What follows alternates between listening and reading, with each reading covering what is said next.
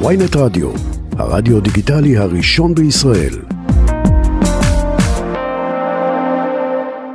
אנחנו שמחים לומר שלום לפרופסור מיכל שור, עופרי מהפקולטה למשפטים באוניברסיטה העברית, שלום. שלום, ערב טוב. אז למדי אותנו אה, בשפה נהירה, במה בדיוק עוסק המחקר ומה נמצא במחקר?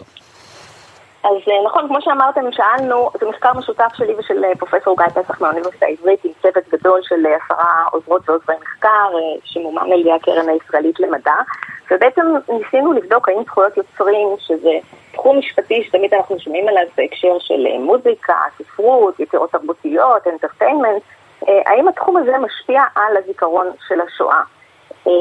והתובנה הבסיסית, כמו שאמרתם, זה, זה שכן, שהמנגנון הזה של זכויות יוצרים אה, לא צפה ולא נבנה עבור נסיבות, חומרים שנוצרו בנסיבות קיצוניות ורדיקליות כמו חומרי השואה, ולכן כשמכילים את זכויות היוצרים בצורה רגילה על חומרי השואה, נוצרים כל מיני עיוותים ומתחים ואבסורדים. תני לנו דוגמאות. אה, כן, אז אני אתן לכם דוגמה, אה, דוגמה מהצד של יצירות שנוצרו על ידי קורבנות ומהצד של יצירות שנוצרו על ידי המשטר הנאצי נניח.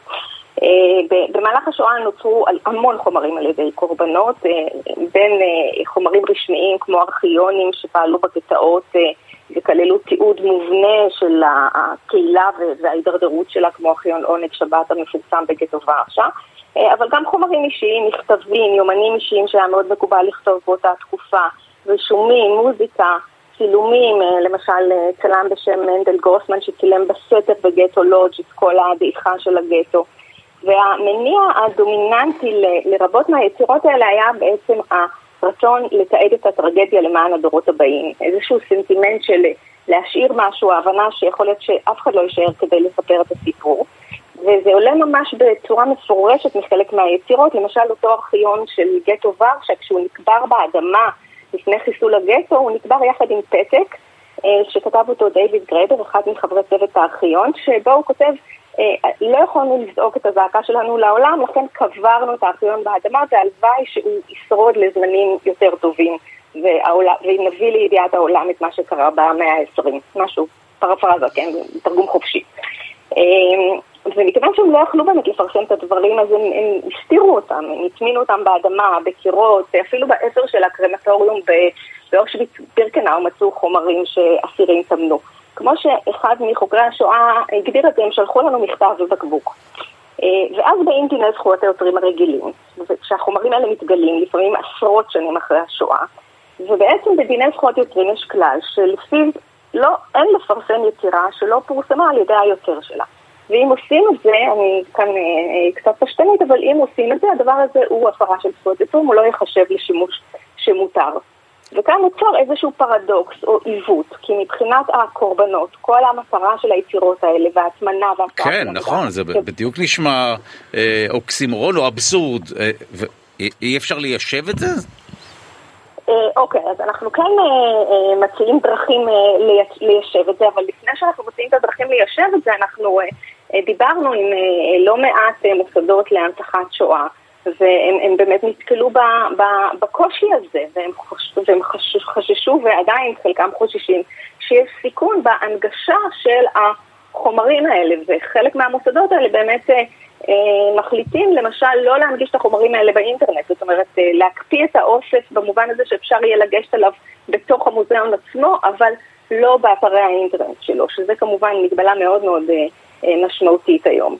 אמ, אז אה, אתה שואל אם יש פתרון לדבר הזה, אנחנו אה, מנסים כן אה, להציע פתרון, אנחנו באופן כללי מנסים, אומרים שיש הצדקה להתייחס לחומרי שואה כאיזושהי קטגוריה שביחס אליה צריך להגמיש או לרכך את תכולת זכויות היוצרים, ולמשל ביצירות של קורבנות להשתמש בעיקרון שנקרא רישיון משתמע או רישיון מקלרה, שבעצם מאפשר לייחס לקורבנות בנסיבות מתאימות הסכמה להוציא את היצירות לאור ולהפיץ אותן אה, מתוך איזשהו שחזור, אה, הרצון שלהם, גם אם הם בפועל לא, לא, לא בצורה מפורשת מין קונסטרוקציה משפטית שמייחסת להם כוונה כן להתיר להשתמש בחומרים, למרות שאנחנו לא יודעים, אבל אנחנו משערים שאם הם פעלו והסתכנו, אני משער גם בין היתר. ואם הם הטמינו אותם, והסתירו אותם, כדי נכון. שהם יגיעו לעתיד, אז העתיד כן, צריך...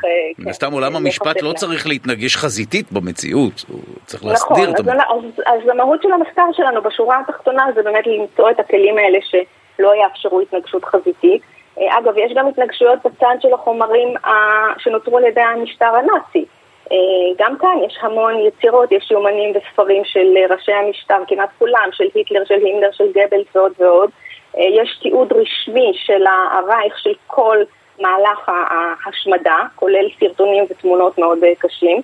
יש סרטי תעמולה מפורסמים. רגע, ויש להם, ולהם יש זכויות יוצרים על זה? אין איזה, אין איזה תקנת הציבור שמאפשר להשתמש בזה? משהו, כלל? צריך לשלם להם כסף על זה שאנחנו משתמשים בתיעוד שלהם כשהם רוצחים אותנו?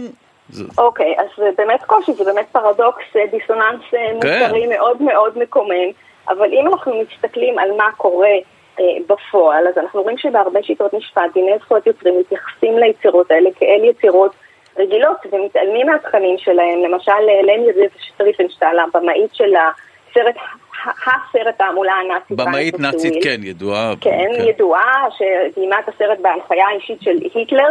היא תובעת בשנות ה-60 קולנוען שלקח קטעים מהסרט הזה והנגיד אותם עם מה שעבר באותה תקופה על אסירים ממחנות ריכוז והיא אומרת לו, אתה מסרט זכויות יוצרים או תוריד את הסרט שלי או שתשלם תמלוגים.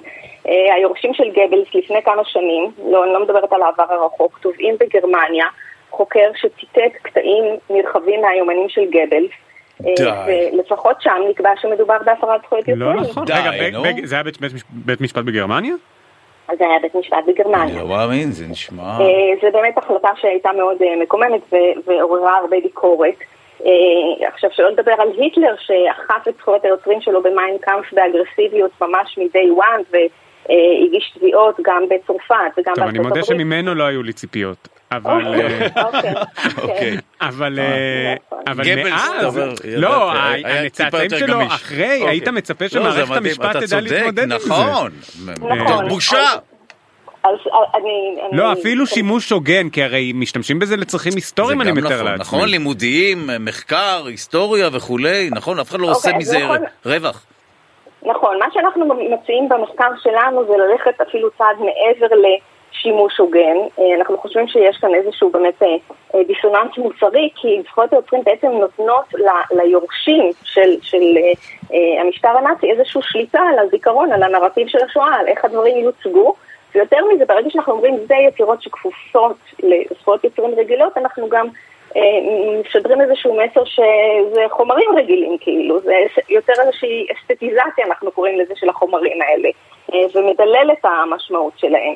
אה, אז ההצעה שלנו בהקשר הזה, מעבר באמת לעיקרון של שימוש הוגן, שזה איזשהו עיקרון מוכר בזכויות יוצרים, אנחנו מציעים להשתמש ולפתח, גם במשפט הישראלי, אבל בכלל בדיני זכויות יוצרים בעולם, כלל שכבר קיים שנקרא שימוש לרעה בזכויות יוצרים, שמאפשר במקרים מסוימים להגביל את הזכויות של הבעלים כשההתנהגות שלהם היא פסולה. טוב, ומרתק. בואי נדבר על האספקט של הבינה המלאכותית, שזה משהו לא טריוויאלי. איך זה נכנס לתמונה? אוקיי, אז זה באמת קצת חורג מתחומי זכויות יוצרים. בעצם השאלה שנתקלנו בה תוך כדי הצלילה לחומרי ה... שואה, זה, או התופעה שנתקלנו בה, זה אה, אה, העובדה שגם מוסדות זיכרון, מוזיאונים להנצחת שואה, מתחילים להשתמש בבינה מלאכותית ובטכנולוגיות של ויזואליזציה, הולוגרמות ורובוטים כדי לקדם את אה, אה, זיכרון השואה, ופרויקט מרכזי שחקרנו אותו נקרא New Dimensions in Testimony, הוא מתבסס על בעצם עדים וירטואליים שנוצרו על בסיס רעיונות מפורטים עם ניצולי שואה אמיתיים. ובעצם הפרויקט הזה מאפשר לאנשים לדבר עם רובוט, שנראה כמו הולוגרמה האנושית של הניצול, לשאול אותם שאלות ולקבל תשובות מתוך מאגר תשובות אמיתי שהניצול האמיתי השיב, בצורה שמדמה מבחינת התחושה שיחה אנושית, ממש שיחה אנושית עם הניצול, מהניסיון שלי יצא לי לדבר עם אחד מה... העדים הווירטואליים האלה באיזה מוזיאון, ולמרות שכבר חקרתי את העניין וידעתי שזה אלגוריתם וידעתי שזה בינה מלאכותית, אני הרגשתי צורך להודות לו ולהתייחס אליו כמו, כמו בן אדם. ויש בדבר הזה יתרון, אני חושבת, גדול, כי זה מאוד מנגיש ומקל את העברת הזיכרון, בעיקר לדור יותר צעיר, התקשורת הזאת קלה, האינטראקציה האנושית היא מעוררת אמפתיה, כמובן זה לא תחליף לעדים החיים, אבל כידוע מספר העדים החיים הולך ומצטמצם. אבל מצד שני מתעוררות גם שאלות משפטיות ואתיות קשות בהקשרים האלה. למשל כן. סיכונים של כן, שימוש לרעה, האקינג, בכל זאת mm. מדובר בתוכנה, נרטיבים לא נכונים. היום בעידן של ה-Generative AI, של הבינה המלאכותית היוצרת, דוגמת ChatGPT, אז בעצם יש אפשרות, וזה לא נתקלנו בזה עוד, אבל יש היום אפשרות ליצור גם עדות על בסיס חומרים קיימים שהרובוט בעצם אומר דברים שלא נאמרו במקור על ידי הניצולים. Mm.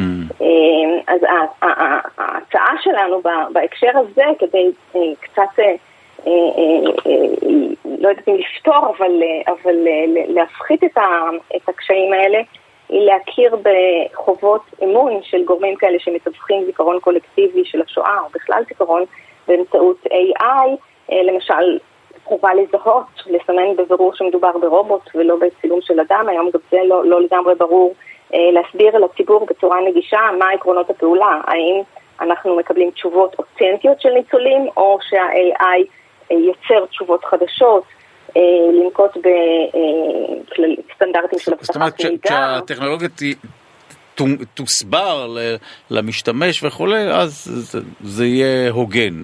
פשוט... לא- זה, יוצר איזושהי מגננה אצל כן. המשתמש ואיזשהו חוש ביקורתי, שמה שהוא מקבל זה לא... זה לא עדות אותנטית של שיחה עם ניצול שואה, יש מקום לחשש, ולכן באמת צריך אה, לדייק את מה אתה מקבל. נכון, בדיוק. טוב, אה, נשמע מרתק, אה, לא טריוויאלי לדבר על זכויות יוצרים, בינה מלאכותית בהקשר של שואה, אבל זה באמת אה, אספקט מעניין. מעניין מאוד. לחומרים שאנחנו כולנו, על חלקם גדלנו לפחות וכולי. תודה רבה לך, פרופסור מיכל שור, עופרי, מפקולטה למשפטים באוניברסיטה העברית, תודה רבה. תודה לכם.